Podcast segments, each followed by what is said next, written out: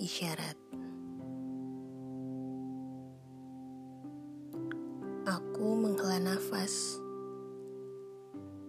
Kisah ini terasa semakin berat membebani lidah. Aku sampai di bagian bahwa aku telah jatuh cinta.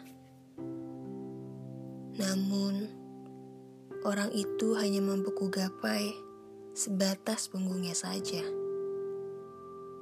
Seseorang yang cuma sanggup kuhayati bayangannya dan tak akan pernah kumiliki keutuhannya.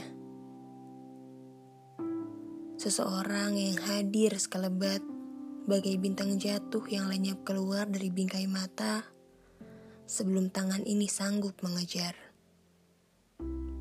Seseorang yang bisa kukirimi isyarat sehalus udara, langit, awan, ataupun hujan. Seseorang yang selama ini harus dibiarkan berupa sebentuk punggung. Karena kalau sampai ia berbalik, niscaya hatiku hangus oleh cinta dan siksa.